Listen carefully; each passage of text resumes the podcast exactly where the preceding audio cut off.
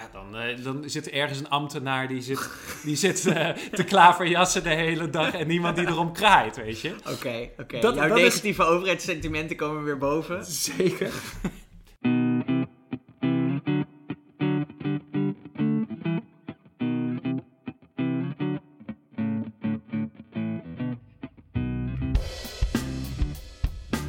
Welkom bij de Verwoorde Onschuld en welkom JW Welkom Jamie. en welkom luisteraar. Heel leuk dat jullie er zijn. Zeker. We gaan het vandaag hebben over bestaansmaximum. Ja, En JW, wat is een bestaansmaximum? goeie vraag. Ehm, we kennen natuurlijk het bestaansminimum. Ja. Hè, dus het idee van wat heb je nou redelijkerwijs nodig om een beetje rond te komen. Ja. En hoe zorgen we ervoor dat iedereen dat heeft. Eh, in de Volkskrant stond een paar weken geleden een stuk over het bestaansmaximum. Altijd weer de Volkskrant. Altijd weer de Altijd weer de Volkskrant. Want zoals je kunt raden is dit best wel een eh, ja, links nivellerend idee, Hmm. zou je kunnen zeggen. Eh, het idee is eigenlijk heel simpel. Eh, vanaf een bepaald bedrag heb je eh, zoveel geld dat het eigenlijk niet echt meer zin heeft om nog meer te hebben. Dus kappen we het af. Een beetje wat wij ook hebben, toch? Nou, wat, wat in dat stuk werd voorgesteld is een bestaansmaximum van eh 2,5 miljoen. Oké, ja, ja. En de redenatie daarvoor was, ze hadden een beetje gevraagd van wanneer vind je mensen superrijk? En vanaf 2,5 miljoen zegt een meerderheid van de mensen, plakt daar het woord superrijk op. Ik vond het zelf een Te- beetje twijfelachtige ik- methodologie. Ik denk dat mensen met 2,5 miljoen, dat die niet zo snel zullen zeggen, ik ben superrijk. Nee, Dat- en ja. nee, oké, niemand zegt dat van zichzelf, maar even los, los van wat het juiste antwoord is, vind ik het Ja. ook een beetje een vreemde methodologie om dan te zeggen, oké, hier dat, dat ligt is de de 50% max. Ja, grens. Later schreef Sander Schimmelpenning er een column over waarin hij zei: je moet het niet 2,5 miljoen doen, je moet 25 miljoen doen. Dus dat is echt nog fors hoger. Uh, maar hij vond het verder wel een goed idee. Alleen dus hoger. Want hij zei voor 2,5 miljoen, weet je, er zijn huizen in Amsterdam die meer zijn dan 2,5 Ja, miljoen. Maar vijf- 25 miljoen, dan heb je gewoon alle luxe die je, die je wilt hebben. Dus dat je ook, zou een. Als je redelijk conservatief bent, dan kun je dat ook nooit opmaken, 25 Ja, miljoen. inderdaad. Ja. Dus dat zou dan een, een bestaansmaximum zijn. Bestaansmaximum. Ja, je zou het ook kunnen zien als een hoogste schijf op de vermogensbelasting, wat gewoon 100% wordt. Oh ja, ja. ja. Ehm, ik heb dus eh, nog wat alternatieve woorden bedacht, gewoon Ah, oh, we gaan op- meteen Ja, we gaan meteen de woorden. We gooien de hele in. volgorde om. Ik, ik heb er maar drie. Oké, Ehm, ik noem ze op, jij mag raden wat ze betekenen. ja. Het eerste woord dat ik heb bedacht is ontstaansmaximum. Ontstaansmaximum. Ja, ja. En we hebben van de Eh. week hebben we ehm, ja, on- een van de vaders van de Nederlandse politiek verloren. Al dus eh, dat is Caroline van der Plas, toch? Oké, en, En, je eh, nu allemaal... eh, Gert-Jan Segers. En Gert-Jan Ah. Segers die is, eh is alweer een tijdje geleden, maar ah, dus ook een liefhebber van het ontstaansmaximum. wat is het ontstaansmaximum, Jamie? Dat is het idee dat de aarde niet meer dan 6000 jaar oud is. ah, oké. Ja, ja, ja. Ik weet trouwens niet 100% of Gert-Jan Segers daarin gelooft. Weet ik ook niet eigenlijk. Ehm, meestal heel christelijke mensen. Een begaansmaximum. Een begaansmaximum. Begaansmaximum. Daar kan ik me wel iets bij voorstellen. Ja. Dat is denk ik... Als je ze, ehm, ja, op een gegeven moment kun je niet echt meer begaan zijn met iemand. Als je Ja. gewoon heel veel... Je kunt niet bijvoorbeeld de hele wereld heeft heel veel ellende, maar je kunt niet met iedereen begaan zijn. Bedoel je dat? Ja, ja, ik dacht zelf eh, vooral aan de oorlog in Oekraïne. Van, Ah, We merken dat we nu nog solidariteit hebben. Maar al minder dan in het begin. Minder dan in het begin. Ja. Dus want het begaansmaximum, dat wordt een beetje bereikt. Ik vind het best wel een mooi woord. Begaansmaximum. Ja, Het zou, het zou woord van de week kunnen we zijn. kunnen het insturen. Nou, ja, misschien doen we dat wel. Eh, laatste woord eh, dat ik heb bedacht is voldaansmaximum. Oké. Eh, ik, ik denk dat dat ook raakt aan het bestaansmaximum. Op een gegeven moment ben je gewoon voldaan. En, en kun je niet echt meer meer luxe krijgen. Ja, ja, ja. en Ja. ik denk dat die 25 miljoen is waarschijnlijk wel een vrij goed limiet. Van ik denk dat je na Hmm. 25 miljoen dat je niet echt heel veel meer voldoening krijgt van de volgende miljoenen. Ja, ja voldaansmaximum. Ja, voldaansmaximum. En, en het idee is nu dus om het voldaansmaximum, dus ook het bestaansmaximum Nou, kijk, ik denk dat wij twee heel afwijkende meningen hebben. Ja, En we hebben allebei hebben we een soort van betoog voorbereid. Jij bent voorstander van het bestaansmaximum, als ik het goed begrijp. ja nou, Met, Ik- met kanttekeningen. ik vind het wel een sympathiek idee in ieder Ja. geval. Ik, ik ga een paar argumenten voor eh, benoemen. En jij bent uiteraard tegen. Ik ben altijd tegen. Ja, want jij bent... ja, ja. eh, ja, ja, ja. Oké. Ehm, ik wil allereerst even eh, zeggen... Ja, het is misschien niet echt een argument... maar ook een soort historische context. ehm, een bestaansmaximum, of in ieder geval een heel hoog belastingtarief, eh, is zeker niet nieuw. Nee, Hè, nee. Dus eh, in Nederland hebben we zelfs een tijdje 70% gehad in de bovenste in het inkomensschijf. Verenigd in- Koninkrijk heb je 95% Kijk, gehad. ja. En het nummer Taxman van de Beatles, Ja. dat gaat over die 95%. Omdat de Beatles zaten natuurlijk in de hoogste schijf. oh, En is dat het- echt zo? Ja, ja, ja. En in het nummer Taxman hoor je dan ook... There's one for you, 19 for me, Taxman. Serieus? Ja, oh, wat ja, vet. Oké, oh, dat Dus is dat is letterlijk 95%. Oké, ja, ik wilde als voorbeeld de VS noemen. Ook niet een land waarvan je verwacht Nee. van enorme belastingschijven. Maar ook mm, Ehm, in de oorlogssituatie, ja, precies. Nou, zelfs echt in de oorlogssituatie zelf. In Ja. 1944 hadden ze een, een tarief van, eh, of een hoogste tarief van 94%. En ik denk als je een tarief van 94 of 95, wat jij net noemt, als je dat invoert, dan voer je in de praktijk een maximum in. Ja. Want geen enkele werkgever gaat een, een loonsverhoging geven waarvan je maar 5% of 4% kan behouden. uitbetaald ja. krijgt. Eh, dat is natuurlijk een, een maximum op inkomen. Dat is nog wel wat anders dan een maximum op vermogen. Maar in ieder geval, het is niet helemaal eh, nieuw om dus Nee. echt eh, gewoon een soort van cap te zetten. Ehm, nou, mijn eerste echte argument zal ik niet heel uitgebreid op ingaan, want dat is gewoon een beetje het standaard eh, argument wat je, wat je verwacht. Eh, kijk, ik ben op zich wel voor een beetje economische prikkel, maar ik denk Hmm. de, de vermogensongelijkheid in Nederland loopt al best wel een tijd op. En dat is eigenlijk in alle landen zo. Vermogensongelijkheid loopt altijd op. Behalve als er echt iets heel heftigs gebeurt als een oorlog. Maar laten we hopen dat het niet gebeurt.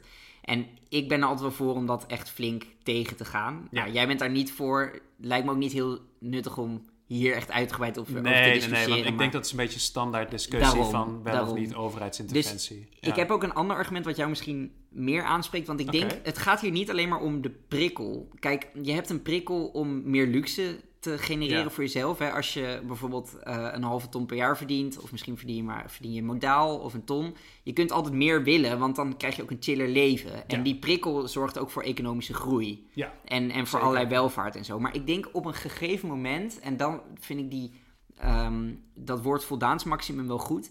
Zit je op een punt dat die luxe niet echt meer toeneemt.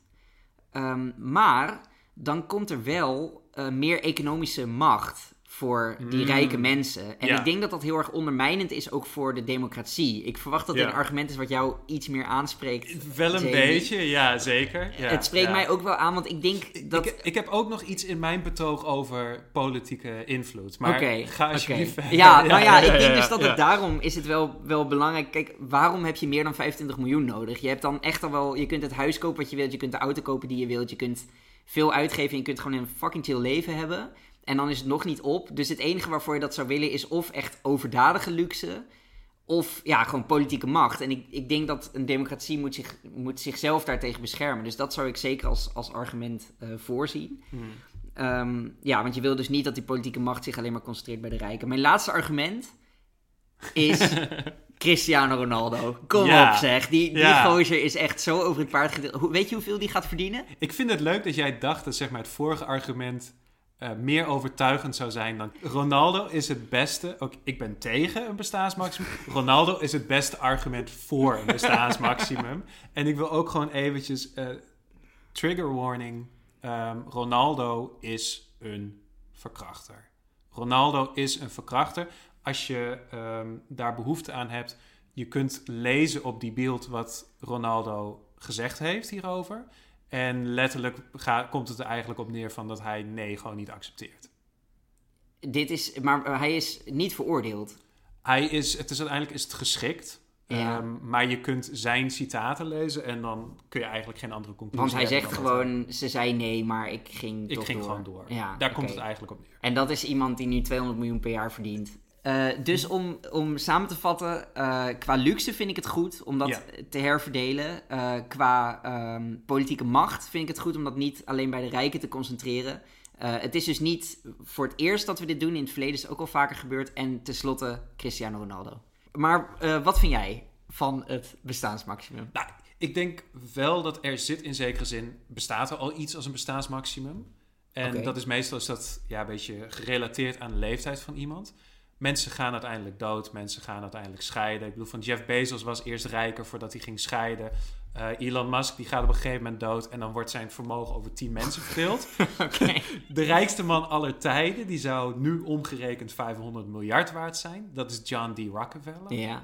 En John D. Rockefeller, ja, van dat vermogen is eigenlijk niet zo gek veel meer over in 2023. Dat is verdeeld over zoveel nazaten. Ja, oké. Dat valt uiteindelijk valt dat wel redelijk weg. Maar ik, ik heb ook dus zitten nadenken over, ja, ik ben, ik ben tegen een bestaansmaximum. Goed, dat is gewoon, dat is mijn ideologie. Ik, ik, ik denk dat eh, je een vrije markt moet hebben. Mhm. Het is niet zo heel interessant. Maar ik zit te denken van, ja, een miljardair zit meestal al wel ver over hun voldaansmaximum. Ja. De meeste Dus miljardairs, die zijn, zelfs in vergelijking met die 25 miljoen, zijn ze nog best wel extreem. Boven de 25 miljoen zit je er wel boven. Ja. Laat, ik, laat ik zo zeggen. Dus Ja. met miljardairs is het wel heel extreem. En als Ja. we het echt hebben over de excessen. En je hebt het echt over ehm, waar mensen de grootste ehm, eh, vraagtekens bij zetten. Dan zijn het wel echt de aller, aller, allerrijkste. Ja. De Elon Musks en zo. De Ja. toxic masculinity. En je had het net al heel mooi over, ehm, over politieke inmenging. Ja. En dat is een van, de, een van de problemen is natuurlijk van mensen die heel rijk worden. Op een gegeven moment heb je alles al bereikt, financieel gezien. Ja. Je kunt wel... Qua luxe, qua eh, gewoon je, je persoonlijke welvaart. je wordt niet veel meer, ja, van je, je kunt er nog wel x bij verdienen, maar ja, wat heb je daaraan? Weet Ja. je? je kunt nog wel meer vermogen krijgen, wat heb je eraan? Ja. Het enige wat je dan nog kan doen zijn drie dingen. En ik denk dat jij weet welke drie dingen ik wil opnoemen. Nou, sowieso ruimtevaart ga je nu opnoemen. Ruimtevaart. Want dat is waar al die superrijken zich tegenwoordig mee bezighouden. Eh, eh, altruïsme, sowieso. Altruïsme, het weggeven Dat van, ja, Bill van Gates doet dat Ja. bijvoorbeeld eh, heel erg. Eh, ja, derde weet ik niet. Het allerlaatste is politiek. Ah, oké. Natuurlijk, ja, dat is het enige wat je kunt doen. Van, je, kunt, je kunt nog de politiek ingaan. Ja, Ehm, en eigenlijk, zoals Trump zoals, zoals eh, Trump, zoals Mitt Romney. Ja, Ehm, en eigenlijk wat wij willen, is natuurlijk van... Ja, wij willen minder politiek en ruimtevaart. Wij willen meer altruïsme. We willen Ja, meer miljardairs die hun geld weggeven. ja, daar ben ik het wel mee eens, ja. Want ik zou ook stellen dat een miljardair is beter in het weggeven van geld dan een overheid is. Een miljardair is Hmm, beter is in liefdadigheid dan een overheid is. Ik zou even zeggen waarom. Een miljardair heeft altijd skin in the game. Oké. Want het gaat om hun geld. Bij een overheid gaat het om geld voor het collectief. Mhm. Ja, dan, eh, dan zit er ergens een ambtenaar die zit, die zit eh, te klaverjassen de hele dag en niemand die erom kraait, weet je. Oké, oké. Dat- Jouw dat is- negatieve overheidssentimenten komen weer boven. Zeker. Een miljardair hoeft geen eh, rekening te houden met diplomatie, hoeft geen rekening te houden met, ja, wel een beetje met internationale grenzen, maar die kan makkelijk, zeg maar, naar een probleem kijken en denken van, nou, die pak ik groots aan, zeg maar. Ja, van, van die, ik ga, dit gaat echt over grenzen heen, malaria, polio. Dat, ik wil gewoon alleen het issue aanpakken, maakt me niet uit. En zij hoeven niet echt te denken van ja, een overheid moet altijd denken van ja, weet je, land A, daar bevalt het regime ons niet zo heel erg. Dus willen we, eigenlijk willen we die niet te veel steunen. Daar hoeft een miljardair helemaal niet over na te denken. Super. Is dat een voordeel? Nee, dat is hartstikke goed. Dus we, hebben, we willen gewoon meer miljardairs die hun geld weggeven. Ja. Ik vind, mag ik hier even... Want ik, Ja. ik vind het namelijk best wel interessant dat je zegt dat miljardairs er ook beter in zijn dan overheden. Want dat, soms bekruipt dat gevoel me ook wel een beetje. Ja. Omdat overheden toch wel... eh, ja, op zich zouden ze het natuurlijk gewoon Ja. heel goed kunnen. Maar ja, ze zitten vast aan, aan stemmers die eh, het lokaal uitgegeven willen zien. Ja. Maar aan de andere kant, ik wil wel even de, de nuancering erbij plaatsen. Dat je moet ook niet onderschatten wat overheden doen. Ik, ik wil niet je hele argument... eh, Want overheden die werken Jij ook echt wel weet, internationaal Dit is de samen. verwoorde onschuld. We doen hier niet aan nuance. Oké. dit is de podcast van de genocide van de week. Oh We ja, doen hier ja, ja. niet aan nuance. geen nuance. Nee, oké. Maar het, ik, ik ben het wel met je eens. Miljardairs kunnen heel veel doen aan, aan liefdadigheid. En die moeten we binnenhalen. Die moeten we binnenhalen. En we Binnenhalen? binnenhalen. We moeten ze binnenhalen bij de club van altruïsten. Oh, zo. Ja, ja, ja. Oké. En we moeten, dit is het probleem, zijn ja, een, een, een Musk, een Trump, een Romney, een Bezos. Die mensen die zijn eigenlijk te narcistisch. Die zijn te megalomaan. Die willen niet alleen het geld, die willen ook de politieke invloed. Die willen ook, eh, die willen ook de mogelijkheid hebben om op Mars te staan. Die mensen die gaan we binnenhalen door een NGO te beginnen. Dit is mijn business idee. Oké. Dus ik heb er ook een business idee voor. Ja, heel goed.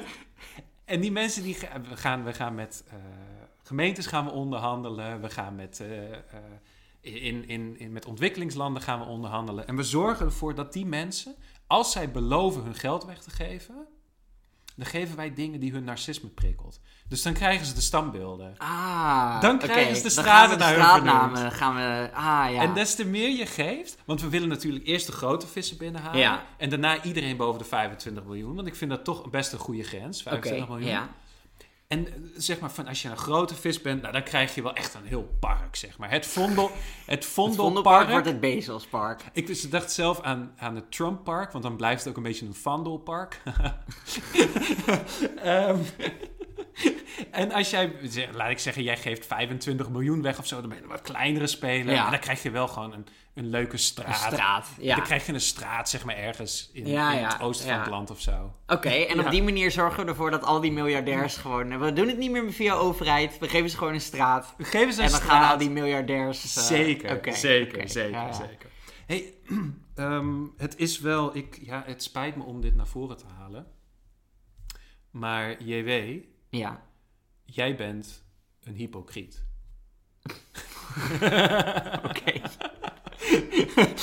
Ehm, ik wil eerst... Hypocrisieverwijten zijn Ja. altijd eh, de beste argumenten. Daar ben ik altijd bijzonder gevoelig voor. Dus ik ben heel benieuwd waar je nu mee, eh, mee komt. JW, wat kun jij mij vertellen over effectief altruïsme? En Oh. wat kun jij mij vertellen over Sam Bankman-Fried? Eh, Oké. Ehm, effectief altruïsme vind ik leuk om over te praten, dus Ja. dankjewel. Sam Bankman-Fried vind ik iets minder leuk om over te praten. Ehm, eh, Oké, effectief altruïsme is... eh, kijk, altruïsme is het, heeft het idee, ik wil de wereld beter maken. Ja. Vaak met, met geld. Dat kan ook op andere manieren. Maar, Ja. Ehm, kan je allerlei dingen doen. En het idee van effectief altruïsme is dat je dat ja, zo effectief mogelijk doet. Ja. Dus een, een beetje standaard voorbeeld is bijvoorbeeld... je kunt eh, een blinde geleidehond kun je opleiden. Ja. Of een hond tot blinde geleidehond. Nou, dat kost ongeveer 10.000 euro, dus best wel duur. Eh, maar dan kan vervolgens wel een blinde, die heeft daar heel veel Profijt eh, profijt Ja. van. Die kan, jarenlang kan die dan ja, dingen die hij anders niet zou kunnen. Maar goed, het kost 10.000 euro. En voor 10.000 euro kun je 5000 vitamine A supplementen kopen en die uitdelen in Zuidelijk Afrika. Ja. En dan voorkom je honderden gevallen van blindheid. Ja. Want daar komt blindheid door vitamine A tekort Juist, komt ja. heel veel voor. Ja. Dus ja, wat is dan effectief? Kijk, het is niet per se verkeerd om een hond op te leiden tot blinde geleidehond. Het is, gewoon, Maar- het is altruïsme, maar het is geen effectief altruïsme. Maar bij dit voorbeeld is het dus ook zo dat, laat ik zeggen, een Bill Gates, die dus 100 miljard beschikking heeft, Ja. die kan meer doen, dat is ook best wel logisch, die Ja. kan meer doen aan altruïsme dan Mhm. jij en ik. Ja, uiteraard. En dus dan, maar dan is het streven ook, eh, om zoveel, het stre- het streven als je zoveel mogelijk weg kunt geven, Ja. en zoveel mogelijk levens kunt redden, is streven natuurlijk ook dat je zoveel mogelijk verdient. Ja, nou dat is inderdaad een... een ja, en dan, zo ga ik ook richting Sam Bankman-Fried. Een van de ideeën hier eh, is... eh, of nou ja, laat ik eerst nog even zeggen... eh, je komt dan vaak uit bij, bij problemen een beetje in arme landen. Hè, want daar zijn problemen die eigenlijk wel op te lossen zijn... die wij al lang opgelost hebben Ja. hier... maar die daar nog niet zijn opgelost... maar die goedkoop te fixen zijn. Eh, bijvoorbeeld malaria en, en Ja. vitamine A gebrek. Ehm, nou, een van de dingen die je zou kunnen doen is zogenaamde earning to give. Want je wilt, hè, wat je zou kunnen doen is bij Oxfam werken, want die fixt dit soort dingen. Ja. Maar wat je ook kan doen is op Wall Street gaan werken. Dan verdien je vijf keer zoveel. En dan verdien je, zeg maar, die, die dat, vier daarvan geef je dan aan Oxfam. En dan kunnen, kunnen zij vier mensen aannemen. inhuren Ja, ja, in plaats van ja. één. En dat is, dat is dan in zekere zin effectiever. Ja. Dus dat is het idee van earning to give. En dat is een soort van substroming binnen effectief altruïsme. Nou, en dan komen we bij Sam Bankman-Fried. En ja, ik zie je al lachen. en Jij ik, was ik een denk dat een- hele grote fan ja, van Sam zeker, zeker. Want ik denk dat een deel van de luisteraars ook al wel weet wat er nu gaat komen. Kijk, Sam Bankman-Fried was echt een beetje de posterboy van, van Earning to Give. Ja. Want hij was eh, miljardair. Dus Ja. niet miljonair, miljardair. En dat, hij is vrij jong. Hij is volgens mij ongeveer onze leeftijd. Ja, begin klopt, ja, 30 ja. of zelfs eind 20. Nou ja, echt heel jong om miljardair te zijn. Hij heeft een paar grote risico's genomen. Maar hij heeft uiteindelijk een eh, crypto-beurs geopend. En is daar schatrijk mee geworden. En hij heeft gezegd: Ik ga, hij heeft al een deel van zijn geld weggegeven aan effectieve doelen. En hij heeft beloofd om nog veel meer weg te geven. Dus echt richting de 99%. En hij, werd, eh, hij was ook altijd, weet je, hij droeg dan gewoon spijkerbroeken en zo. En Ja, had een ja. vrij klein Ja, huis. hij was- niet, niet, niet typisch een miljardair, zeg maar. En eh, hij werd echt een beetje gezien als het voorbeeld van earning to give. Van, hè, je, je mag daar ook een beetje risico's in nemen en uiteindelijk kun je dan een enorme impact hebben. Maar Maar, Sam dit is een Bankman-Fried hele is, grote maar. ja, is een tijd geleden is hij opgepakt. Ja. Omdat het, het lijkt erop, en het lijkt er zelfs heel erg op. Heel erg het, op, het is ja, bijna ja. zeker dat hij gewoon één grote fraudeur Ja, was. het Sam- was één grote Ponzi-fraude. ja, Sam En- Bankman Fraud, zou je kunnen Sam zeggen. en, Bankman dat is, Fraud. en dat is heel pijnlijk voor mij, want ik heb jou een tijdje geleden zelfs nog een podcast aangeraden, een, een interview met hem, wat ik heel inspirerend vond. En je vertelde me over hem en ik, ik wil mezelf ook een beetje opkloppen. Want ik heb toen ook gezegd van ja... Ja, want je bent bijna namelijk heel erg de grond in aan het Ik trappen nu. herkende wat, wat je omschreef zeg maar, van het, van het crypto-platform. En Ja. ik dacht van ja, dat, dat was een type platform waarbij je dus ook... ehm, je kreeg dan, als je bijvoorbeeld bitcoins erop plaatste, dan kreeg je er ook rente op terug. Ja. Ik zei van ja, dat lijkt wel een beetje op Ponzi-fraude. Ja. En nu blijkt gewoon het hele ding Ponzi-fraude Ja. ja, ja, inderdaad. maar eh, wat, wat ik leuk... Jij vertelde me over Sam Bankman-Fried. En Sam Ja. Bankman-Fried had het argument van ja, als ik een 10% kans heb... Ik heb nu 25 miljoen en ik heb een 10% kans om daar een miljard van te maken. Ja, Dan moet ik die nemen. Als effectief altruïst. ja ik, ik vond dat wel heel interessant. En Dus dat was uiteindelijk... heel erg tegen het bestaansmaximum in. Ah, oh, daarom dat je er nu... Van, ja, Dus, dus, dus je, Nou ja, want je hebt er dat wel eens mee geflirt. met Ja, het- ja, klopt. Nee, want om dat even af te maken. Hij zei van, hey, als ik het voor mezelf zou doen, dan moet je met 25 miljoen moet je geen risico's meer nemen. Want Ja. dan zit je aan, ja, hij gebruikt natuurlijk niet het woord voldaansmaximum, maar Ja. wel... Je dan- zit op een voldaan. Ja, dus waarom zou je dan nog gaan voor, voor 100 keer zoveel als de kans er 10% op is? Dat, dat wil je niet. Maar hij heeft dat dus wel gedaan. Hij heeft vrij risicovol die, die beur, is die S- FTX gestart. En het is gelukt. En nu was hij echt nog veel rijker. ja. Maar, ah, dus oké. Het is dat, zou niet kunnen met een bestaansmaximum. Het is wel de redenering van gokverslaafden. Van, van, want een, een gokverslaafd, als hij bij een roulette tafel staat, dan is het niet iedere keer 50% kans dat hij wint. Het is van een gokverslaafd die gaat gewoon door tot met hij alles kwijt is. Ja, oké. daar ja. klonk het wel een beetje als. Maar Ja, dus jij denkt van de volgende keer zou hij weer een volgend risico nemen en zou die dan zou toch- uite- uiteindelijk. ja, Misschien zou hij dan weer tien keer zoveel, maar dan de keer daarna raakt hij alles kwijt. Ja, dat. Nou ja, dat weet je niet. Ja, wa- waarschijnlijk heb je gelijk, want hij blijkt dus inderdaad een soort van risiconemende fraudeur te zijn. Maar achteraf is het altijd. Nou ja, weet ja. je, het, het is Dus- heel, het is pijnlijk en het is ook, ja, ik vind het ook wel grappig, maar het is pijnlijk dat je mij erover laat, Het- laat het- praten, want het is voor, voor, zeg maar, die hele effective altruism Ja. community, ja, ik, ik ben er niet echt, echt, echt. ja, is het heel pijnlijk, want het is... Hij werd, was echt een beetje de posterboy en de successtory. En het is nu voor mensen die een beetje sceptisch tegenover effectief altruïsme staan... heel makkelijk om te zeggen van... Haha, Sam Bankman-Fried. En dan, het enige wat ik dan kan doen is... Ja, heel uitgebreid gaan uitleggen... Ja, maar hij is misschien gevallen, maar die ideeën staan nog wel overeind. bla, bla, Precies, bla. ja, en het ja, is heel ja. makkelijk om gewoon... Haha, Sam Bankman-Fried. dus het is... Ja, het heeft echt ontzettend veel schade toegedaan aan die, aan die beweging. Terwijl het volgens mij wel heel erg goed is eigenlijk. Dat denk maar goed, ik ook. ik, Ik, ik weet nog wel een leuk feitje trouwens over Sam Bankman-Fried. Is dat zijn moeder, ehm, zijn moeder is ook professor. En die heeft ooit een keer een opiniestuk geschreven. eh, waarin het ging over nature versus nurture. Mhm. En waarbij zij dus eigenlijk ongeveer stelde dat eh, je dus daadwerkelijk wel een kind. Eh, als een kind de fout ingaat, kun je daadwerkelijk wel de ouders daarop aanspreken. Wat heel grappig is. Want dat betekent dus gewoon van dat Sam Bankman-Fried is gewoon compleet onschuldig. En het ligt gewoon aan zijn ouders. Ja, dat is wel pijnlijk, man. Als je zo'n artikel schrijft en dan gaat je zoon zo er fout in. ja, nou ja, oké, tot zover, Tot zover. Sam Bankman-Fried, tot zover effectief altruïsme.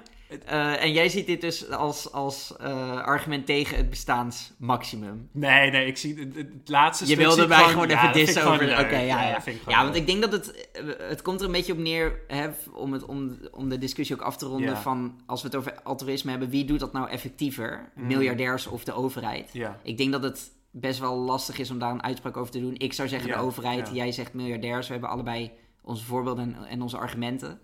Ehm, maar goed, ja, dat, dat is wel belangrijk in deze, in deze discussie. ja.